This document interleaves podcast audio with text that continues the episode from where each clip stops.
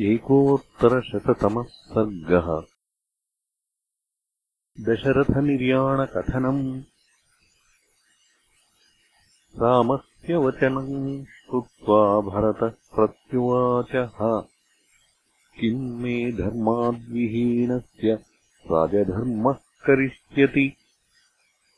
शाश्वतोऽयम् सदा धर्मः स्थितोऽस्मासु नरर्षभ ज्येष्ठपुत्रे स्थिते राजन् न कनीयान्नृपो भवेत्। स समृद्धाम् मया सार्धम्। अयोध्याम् गच्छ राघव। अभिषेचे चात्मानम् कुलस्यास्य भवायनः राजानम् मानुषम् प्राहुः देवत्वे सम्मतो मम।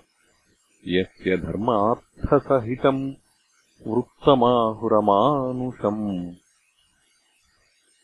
केकयस्थे च मयि तु त्वयि चारण्यमाश्रिते। दिवमार्यो गतो राजा यायदूकः सताम् मतः।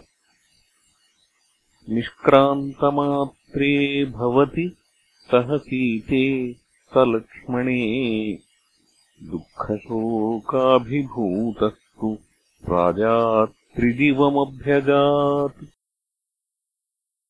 उत्तिष्ठपुरुषव्याघ्र क्रियतामुदकम् पितुः अहम् चायम् च शत्रुघ्नः पूर्वमेव कृतोदकौ।